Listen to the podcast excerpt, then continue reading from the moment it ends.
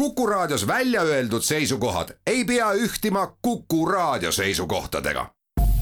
Te kuulate Kuku Raadiot. järjejutt. Justus Lipsius laimamisest meelekindlusest, tõlkinud Kristi Viiding Loomingu Raamatukogult. järjejutt. sellest on möödas mõni aasta kui ma kodumaa rahutuste eest Austriasse Viini põgenedes põikasin küllap Jumala juhatusel Liege'i linna. see ei jäänud mu teelt kaugele ja seal elas sõpru, keda tahtsin kombekohaselt tervitada. Nende hulgas oli Karl Langius, kõige tublim ja õpetatum mees madalmaades. seda väidan vale ja meelituseta ta võõrustas mind kõigiti sõbralikult ja heasoovlikult ning ka vestlustega, mis tõid mulle kogu eluks kasu ja tervist. sest oli ju tema see, kes avas mu silmad, lükates nende eest nii mõnegi üldlevinud arvamuse pilve. oli see, kes näitas teed, kuidas jõuda ilma eksirännakuteta tarkade hiilgavaimate pühamute juurde, kui väljenduda Lukreetiuse moodi sest kui me pärastlõuna päikeselõõsa käes tema maja aatriumi astusime, polnud ju juuni lõpp enam kaugel, küsis ta sõbralikult nagu ikka minu reisi ja selle põhjuste kohta. rääkisin talle midagi varjamata üsna pikalt madalmaade ülestõusust, väejuhtide ja sõdurite jultumusest, lisades lõpuks, et mu lahkumisel oli ka teine varjatud sisemine põhjus.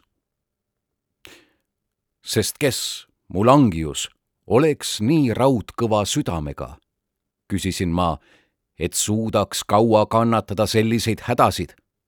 nagu näed, raputab meid juba mitu aastat möllav kodusõda ning rohkem kui üks ülestõusu ja segaduste keeristuul pillutab meid justkui laineteval merel kas mu hinges on puhkus ja rahu? sõjasarved ja relvade tärin on need tõrjunud. aiad ja maakohad. sõjamees ja bandiit on sundinud mind linna.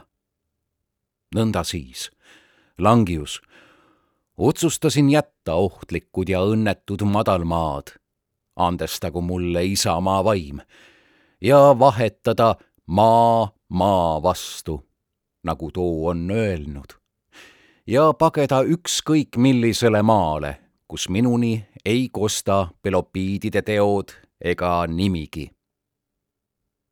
imestunult ja justkui erutatult ütles Langius, nii et sa siis lahkud meie juurest, Lipsius. Teie juurest, kostsin või vähemalt sellise elu juurest. Sest mis muu võiks päästa neist hädadest kui põgenemine? ma ei suuda neid iga päev näha ja taluda ning mu südamel pole terasrüüd ümber Langius. Langius ohkas selle jutu peale ja lausus, mis nõrkus see on, ebakindel nooruk või mis pääsemist otsib su meel põgenemisest?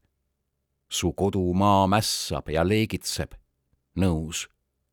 aga milline Euroopa osa seda praegu ei teeks? võiksid kuulutada Aristofanese värssi alla jääb see, kes enne peal, nii ütlebki Zeus.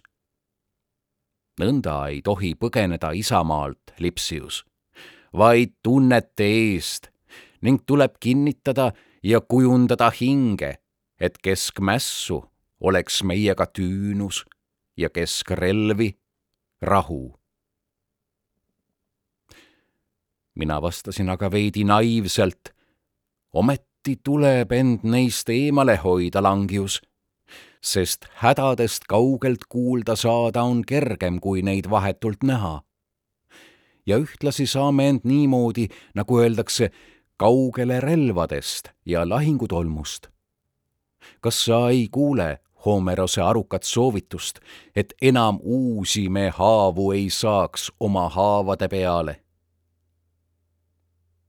Langius lausus kergelt pead raputades. kuulen küll. aga ma eelistaksin, et kasutaksid tarkust ja mõistust. sest need, kes sind köidavad, Lipsius, on arvamuste suitsust pärit pilved ja pilvekesed. ja nõnda on sul, Diogeenese sõnu kasutades, vaja mõistust, mitte silmust. kordan, kiirt, mis tooks selguse su peas valitsevasse uduhämusse. jätad maha Isamaa. ent ütle ausalt, kas tema eest pagedes ei page sa enese eest vaata, et poleks vastupidi ja et sa iseendaga ei kannaks südames kaasas ka oma hädalätet ja läidet. just nagu palavikuhaiged visklevad ja rabelevad rahutult ja vahetavad aset asjatus leevenduse lootuses, nõnda vahetame meiegi justkui meelehaiged ühe maa teise vastu. sedasi toome haiguse küll nähtavale kuid ei võta seda ära. tunnistame sisemist palavikku, kuid ei ravi. Rooma filosoof on kaunilt öelnud, haige ei talu miskit kaua ja püüab muutusi kasutada ravimina. nii võetakse ette tühje reise ja ekseldakse mööda randu kord merd, kord maad proovides ja parajasti käesolevat kergemeelselt põlates. nõnda te pigem pagete, kui väldite mässu. justkui hirv Vergiliusel, keda nool tabas rinda. hooletu hirv, keda karjase lask kesktihnikuid Kreetas kaugusest haavas. ja hirv läbi laante ja padriku püüab pääseda pakku. asjata.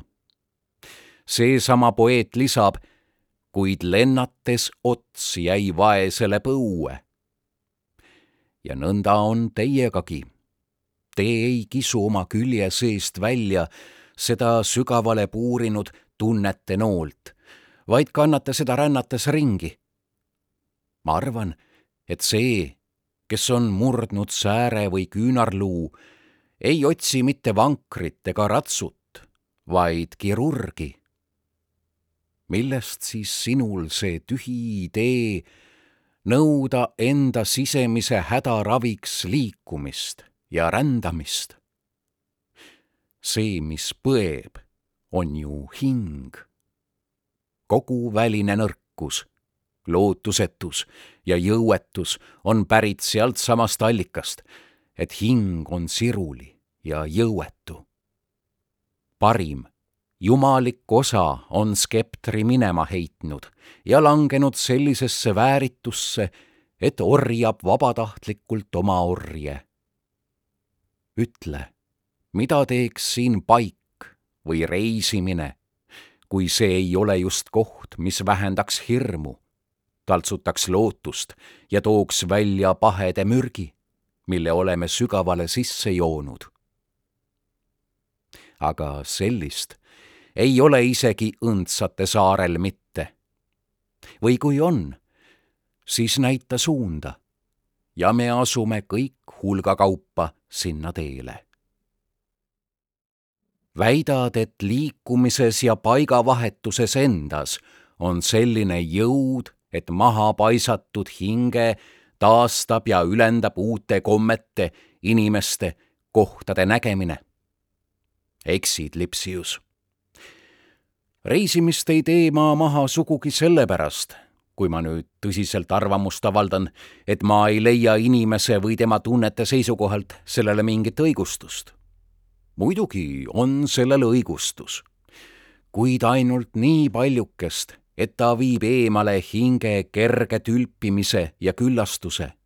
aga ta ei peleta eemale haigusi, mis on löönud palju sügavamale, kui ükski väline ravim ulatub. laul, vein, uni on nii mõnigi kord ravinud esimesi viha, valu, armastuse liigutusi, kuid mitte kunagi vaevust, mis on ajanud alla juured ja kinnitanud kanda. Sama on siingi. reisimine ravibki ehk mõnd kergemat nõrkust, ent mitte iial tõsist haigust sest need esmased kehast sündinud liikumised on ikka veel veidike kehaga seotud või kui võiksin ehk niimoodi öelda, siis hinge välimisel kestal. seetõttu pole imestada, et need saab kerge käsnaga maha pühkida. Aga nii ei lähe ammuste tunnetega, mille asupaigaks, lausa kuningriigiks on hinge mõtlev osa. isegi kui sa rändaksid palju ja kaua ringi kui teeksid ringi peale kõigile maadele ja meredele, ei peseks sa neid tundeid maha ühegi veega ega pühiks maha ühegi maaga. Nad jäävad sulle järgnema ning jahimehel ja ratsanikul must mure istub ratsulaudjal, kui kasutada luuletaja väljendit. vastas ju Sokrates kellelegi kes küsis, miks reisimine pole aidanud nutikalt, sest sa pole iseenda juurest eemale rännanud. sama ütleksin siingi. ja kuhu sa ka põgeneksid, igal pool oleks sinuga kaasas rikutud ja rikkuv hing, halb reisikaaslane. ja oleks siis, et vaid reisikaaslane. kardan, et see on hoopis reisijuht, sest su tunded ei järgne ju sulle, vaid veavad sind järel. sa küsid, kas reisimine ei vabasta siis tõelistest hädadest? Kas ei võta põldude ja jõgede ja mägede nägemine sinu valutunnet? viivuks ehk võtabki, kuid mitte kauaks ega püsivalt nii nagu kui tahes väljapaistev pilt rõõmustab silma vaid veidikeseks, nõnda haarab meid inimeste ja paikade vaheldumisegi uudsus üksnes lühikeseks ajaks. see on hädadest eemale põiklemine, mitte nende vältimine ja reisimine ei lase valuahelat valla, vaid üksnes lõdvemaks kuidas aitab mind see, kui ma näen viivuks valgust, ent siis pean veel kitsamas kongis virelema. nõnda see tõesti on. varitsevad ju hinge kõik välised naudingud ja toovad abistamise maski varjus suuremat kahju. Nii nagu nõrgemad ravimid ei ima välja mürgist vedelikku, vaid panevad selle üksnes liikuma nõnda ärritab ja suurendab see tühine meelelahutuski meis ihade voogu. sest hing ei saa ju kaua endast kõrvale põigata, vaid sunnitakse peagi lausa vastu tahtmist koju ja endiste hädade seltskonda tagasi pöörduma. nähtud linnad ja mäed juhivad sind mõtetes isamaale ning keskrõõme märkad ja kuuled mõndagi, mis sinu valutunnet värskendab. ning kui sa veidike välja puhkad, on see reis justkui lühike uni ning peagi pärast ärkamist on sul samasugune või veelgi kõrgem palavik. sest tagasihoitud ihad kasvavad ju suuremaks ja koguvad aja jooksul üksnes jõudu jäta niisiis, Lipsius, see tühine ja lausa kahjulik reisimine. see pole ravim, vaid mürk. ning luba enda juurde pigem see, mis on ehtne ja karm. reisid teisele maale ja teise päikese alla. pigem muuda oma hinge, mille andsid rumalalt üle tunnetele, kui olid ta ära tirinud seadusliku emanda mõistuse käest. see lootusetus on pärit tema rikutusest, jõuetus tema reisidelt. teda tuleb sul muuta, mitte elupaika ja saavutada, et sa ei oleks mitte teises kohas, vaid teistsugune. Praegu ihkad sa näha viljakat pannooniat ning truud ja tugevat viini ja jõgede kuningat Donaud ja paljut imeväärset ja uut, mida kuulajad ahmiksid, kõrvad kikkis. ent oleks palju parem, kui selline oleks su iha ja kirg tarkuse järele. kui astuksid hoopis tarkuse viljakatele väljadele. Kui otsiksid inimliku ärevuse lätteid kui rajaksid kaitsekraave ja kindlusi, millega takistaksid ja tõrjuksid ihade kallaletunge. sest need teod on haiguse tõelised ravimid. kõik muu on räbaldunud mähis. sind ei aita see lahkumine kuidagi. miskit ei aita, et me vältinud nii mitmeid kreeklaste linnu, et sõit keskvaenlasi laabus nii hästi vaenlase leiad iseenese juurest, lausa oma südamest, koputas ta mu rinnale. mis tähtsust sel on, millisesse rahulikku paika sa lähed? sa vead ju sõda endaga kaasas. millistesse tüünetesse kohtadesse? Mäss on su enese ümber, isegi su sees, sest see lahkhelides hing võitleb praegu ja tulevikuski iseendaga, himustades pagedes, lootes, lootust kaotades. ja nii nagu need, kes hirmu tõttu selja keeravad, on end kaitseta jättes ja ringi pöörates veelgi suuremas ohus, nõnda ka ringi hulkujad ja algajad, kes iial tunnetega ei võitle, vaid alati põgenevad. ent kui sa, noor mees, võtad mind kuulda, siis jää paigale ja kindlusta oma positsiooni selle valuvaenlase vastu. eeskätt on sul vaja meelekindlust ning võitjaks saadakse võideldes, mitte põgenedes. Langiuse jutud olid mind veidi julgustanud ja ma ütlesin sinu manitsused on kõrgelennulised ja säravad ning juba ma püüangi end püsti ajada ja seista, kuid pigem nagu need, kes näevad und ja kelle püüdlused on asjatud. sest mis ma valetan endale, ma ju naasen ikka ja jälle oma maa juurde ning meelest ei lähe ei ühiskonna ega omaenda mured. kui sa suudad aja minema need kurjad linnud, kes mind puruks nokivad ja võta ära mureahelad, millega nad mind aegamisi köidavad siinse Kaukasuse külge. seepeale kostis Langius imestunud ilmel.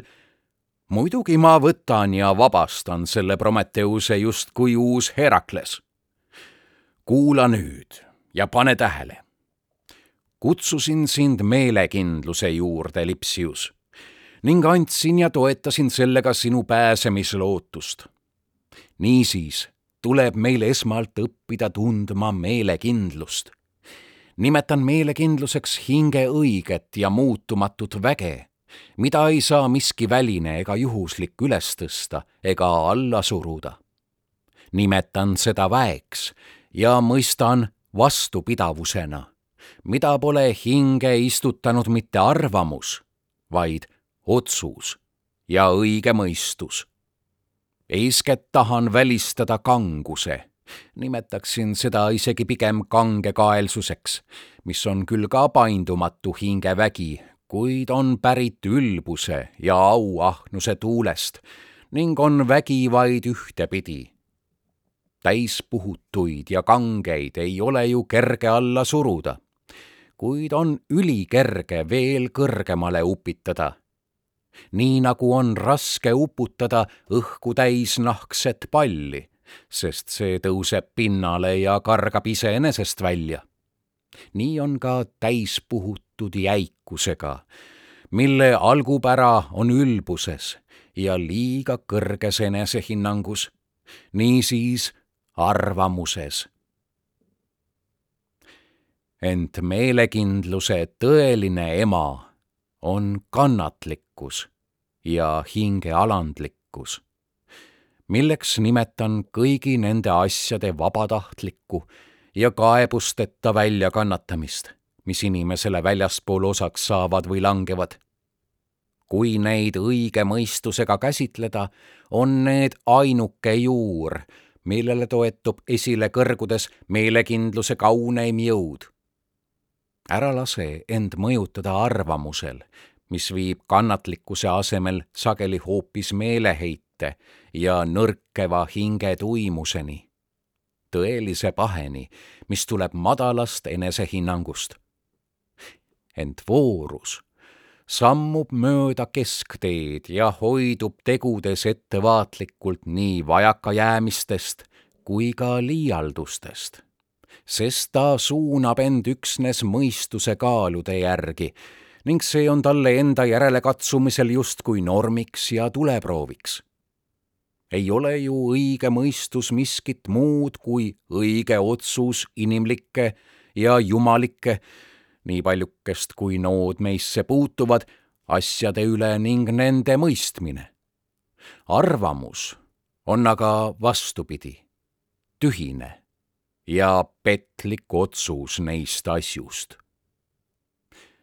kuid kuna sellest justkui topeltpeast, mõtlen arvamust ja mõistust, ei sünni üksnes hingevägi ja nõrkus, vaid ka kõik kiitmis- ja laitmisväärne siin elus, siis teen ilmselt tublilt ja kasulikult, kui räägin veidi põhjalikumalt kummagi päritolust ja loomusest. sest nii nagu lõng tuleb enne lõplikku ja parima värviga immutamist ette valmistada ja töödelda mõne teise vedelikuga, nõnda tuleb ka sinu hinge, Lipsius, selliste eelteadmistega töödelda, enne kui värvin teda päris meelekindluse purpuriga. sulle pole teadmata, et inimesel on kaks osa, hing ja keha esimene on õilsam, sest viitab vaimule ja tulele, teine tühisem, sest maisele. Nad on omavahel seotud, kuid teatava erimeelse üksmeelega. Ja nad ei jõua kergesti kokkuleppele, eriti valitsemises ja allumises. mõlemad tahavad ju valitseda ja eriti veel see, mis ei peaks maa püüab tõusta kõrgemale tulest ja viia oma põrmu kõrgemale taevast. sellest siis inimese sisemised vastuolud, segadused ja justkui kahe omavahel võitleva vastaspoole pidev lahing. Neile on juhiks ja justkui valitsejaks mõistus ja arvamus. üks võitleb hinge eest ja hinges, teine keha nimel ja kehas. mõistus tuleb taevast, lausa Jumalalt ja Seneca on seda suurejooneliselt ülistanud kui jumaliku vaimu osa, mis on peidetud inimkehasse. On see ju silmapaistvaim mõistmis- ja otsustusjõud, mis nii nagu hing on inimese täiuslikkus, on ise hinge täiuslikkus kreeklased nimetasid seda sõnaga nous, roomlased mens või isegi väljendiga mens animi. sest pole ju kogu hing, ära satu eksitusse, õige mõistus, vaid üksnes see, mis temas on ühtne, lihtne, segamata, eraldatud igasugusest kleepuvast põhjasogast. ühesõnaga see, mis on hinges taevalist ja tähist. hing ise on küll keha allakäigust ja tajudega kokkupuutest rängalt rikutud ja määritud, kuid hoiab siiski sügaval alal mõndagi jälge oma päritolust. ja temas on selgesti alles selle algse ja puhta tule sädemete jäägid nagu näed, Lipsius, on arvamuse kaaslaseks muutlik meel, millele on omane üha teiseneda ja kahetseda. Ent mõistuse kaaslaseks on meelekindlus ja just sellega õhutan ma sind tõsiselt oma hinge ümbritsema. miks lahkud sa tühiste asjade juurde või välismaale? meelekindlus on ainsana see Helena, kes joodab sulle ehtsat ja õiget valuvaigistit, milles on murede ja valude unustus. Sest kui oled seda ükskord joonud ja neelanud, seisad sa uhkelt ja sirgelt vastu igale juhtumile, igal ajal tasakaalus, kõikumata ja kiikumata justkui kaalul üles-alla kindlustades endale suurejoonelise ja Jumalale omase põhimõtte olla liikumatu.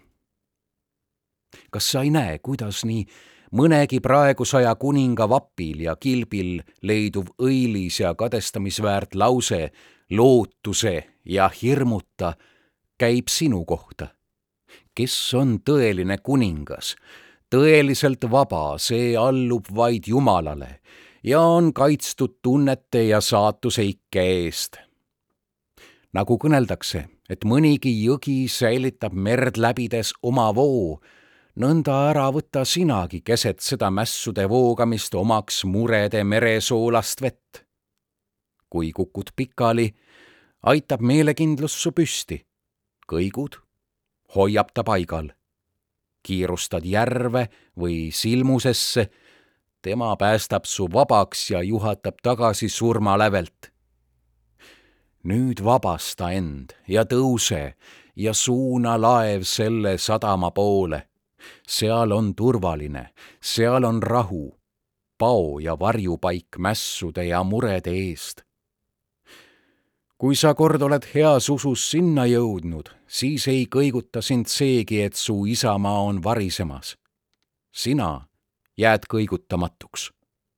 langegu su ümber pilved ja välgud ja tormid, sina hüüad veenvalt ja valjult rahulik kesklaineid.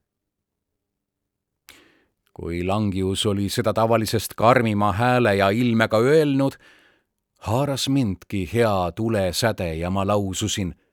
mu isa, hüüan sind tõemeeli nii, mitte meelitamiseks juhi mind sinna, kuhu tahad ning õpeta, paranda ja suuna. sul on patsient, kes on valmis igaks ravimiks. vali siis kas mõõk või tuli.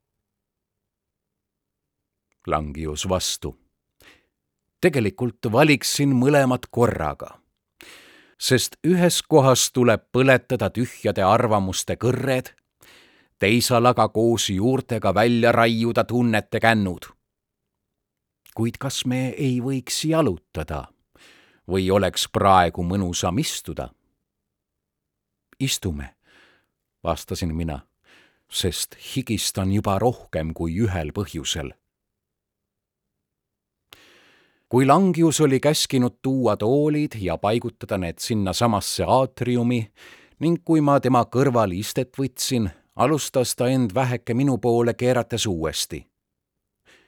Lipsius seni rajasin ma justkui alusmüüri, millele saab mõnusalt ja kindlalt üles ehitada järgneva vestluse.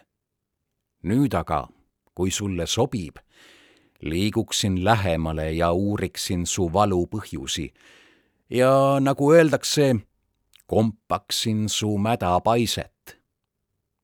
kaks on neid, mis ründavad meie meelekindluse kantsi. võlts hüved võltshädad. kutsun neid mõlemaid võltsiks, sest nad ei asu mitte meis, vaid meie ümber ja ei aita ega kahjusta õieti meie sisemist inimest. see tähendab hinge. nõnda ei ütle ma, et need on tegelikult ja põhjusega hüved või hädad vaid möönan, et nad on seda arvamuse ja teatava üldise seisukoha järgi. esimese hulka arvatakse varandust, au, võimu, tervist, pikaealisust. teise hulka ka vaesust, kuulsusetust, võimu puudumist, haigusi, surma ning kokkuvõttes kõike muud juhuslikku ja välist. Nendest kahest tüvest lähtuvad meie neli peamist tunnet, mis hõlmavad ja kulutavad ära kogu inimese elu. iha, rõõm, hirm ja valu.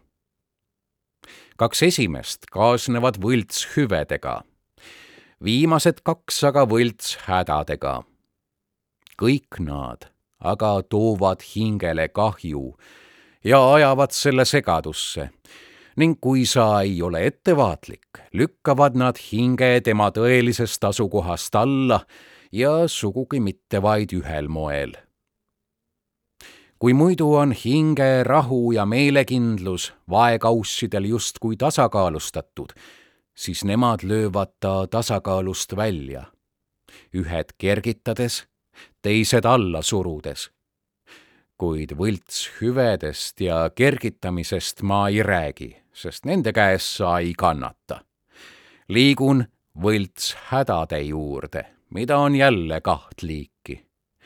ühiskondlikke ja eraviisilisi ühiskondlikuna määratlen ja kirjeldan neid, mille tundmine puudutab korraga paljusid. eraviisilisena neid, mis igatüht eraldi. esimeste hulka arvan sõja, katku, nälja, türannia, tapatalgud ja muu, mis on suunatud väljapoole ja üldisele. teiste hulgas on valu, vaesus, kuulsusetus, surm ja kõik muu, mis on lukustatud igasse inimesse justkui majja jaotan neid põhjusega nõnda, sest see, kes leinab Isamaa hävingut või paljude väljasaatmist ja hukku, leinab tõesti teisiti ja teisel põhimõttel kui see, kes leinab vaid enda omi. lisaks tekivad kummastki igasugused tõved. Ent kui ma ei eksi, on need, mis esimestest alguse saavad, raskemad ja kindlasti visamad sest ühiskonna hädad toovad kahju enamikule meist. olgu siis seepärast, et nad lähenevad ründavalt ja hulgakaupa ja suruvad vastuhakkaja maha justkui lahingriviga.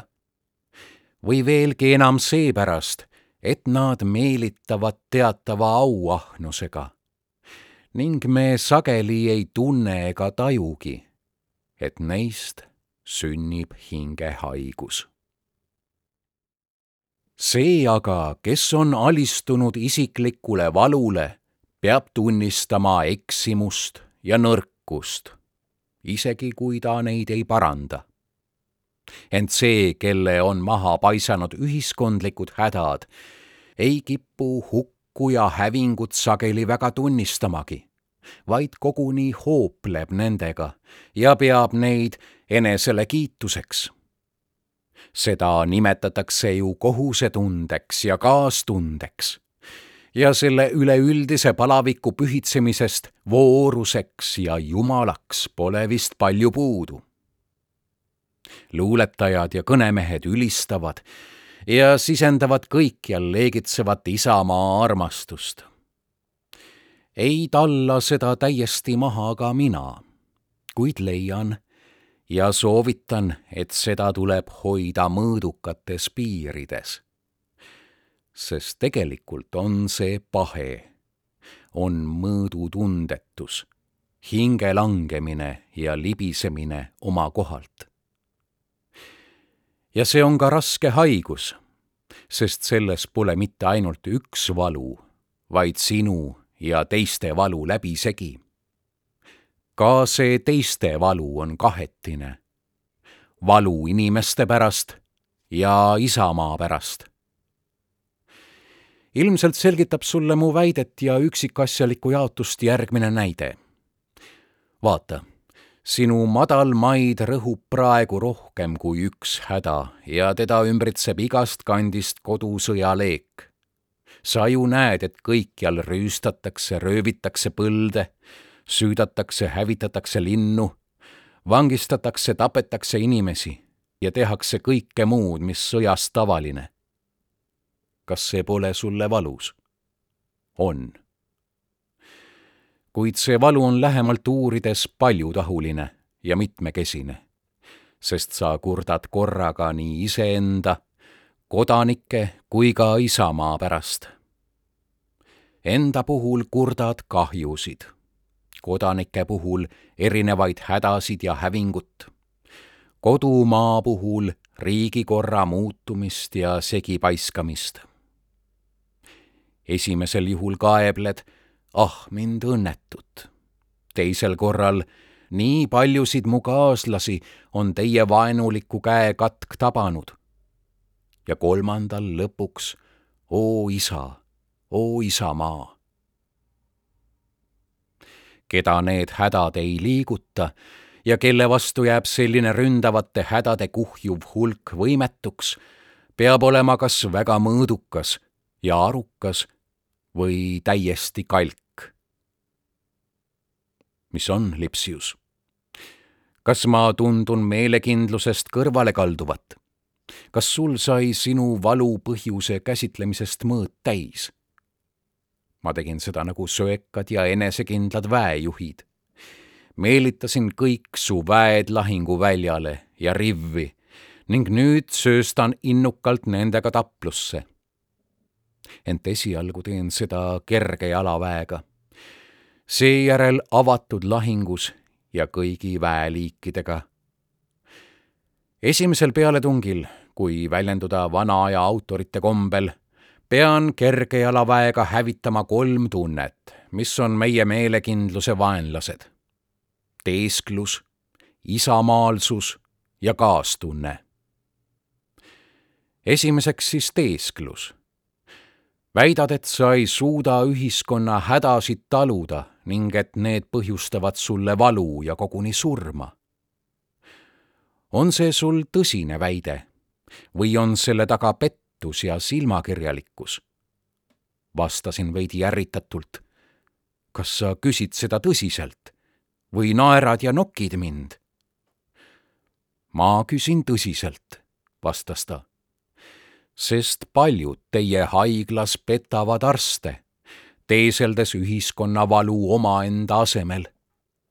niisiis küsin ma, kas sa oled lõpuni aru saanud, et see mure, mis nüüd vaevamas sind ning pöörlemas on sinu rinnas, on sul isamaa või sinu enda pärast on sul selles kahtlust, Langius? küsisin. Kurdan isamaa, ainult isamaa pärast. noormees, mõtle selle üle veel, ütles ta pead raputades. sest kui sinus on sellist siirast lojaalsust, olen ma väga imestunud. seda on vähestel. möönan, et inimestena kurdame me sageli ühiskonna hädade üle ning ükski ühiskonna häda ei ole nii otse näost näha, kui nii võiksin öelda, kui see. ent kui sa uurid lähemalt, leiad enamasti sõnade ja südame vasturääkivuse. sõnad, isamaa häving liigutab mind, on küll pretensioonikad, aga mitte siirad. sündinud huulil, mitte südames sedasama, mida räägitakse kuulsast näitlejast Polosest, kes olevat Ateenas ühes teatritükis mängides lasknud valu kehastamiseks salaja kohale tuua oma surnud poja luud ja urni ning täitnud kogu teatrisaali ehtsa oigamise ja nutuga. sedasama väidaksin ma teist enamiku kohta. head inimesed Te mängite komöödiat ja valate Isamaa maski taha varjudes siiralt purskuvaid pisaraid ju omaenda hädade pärast.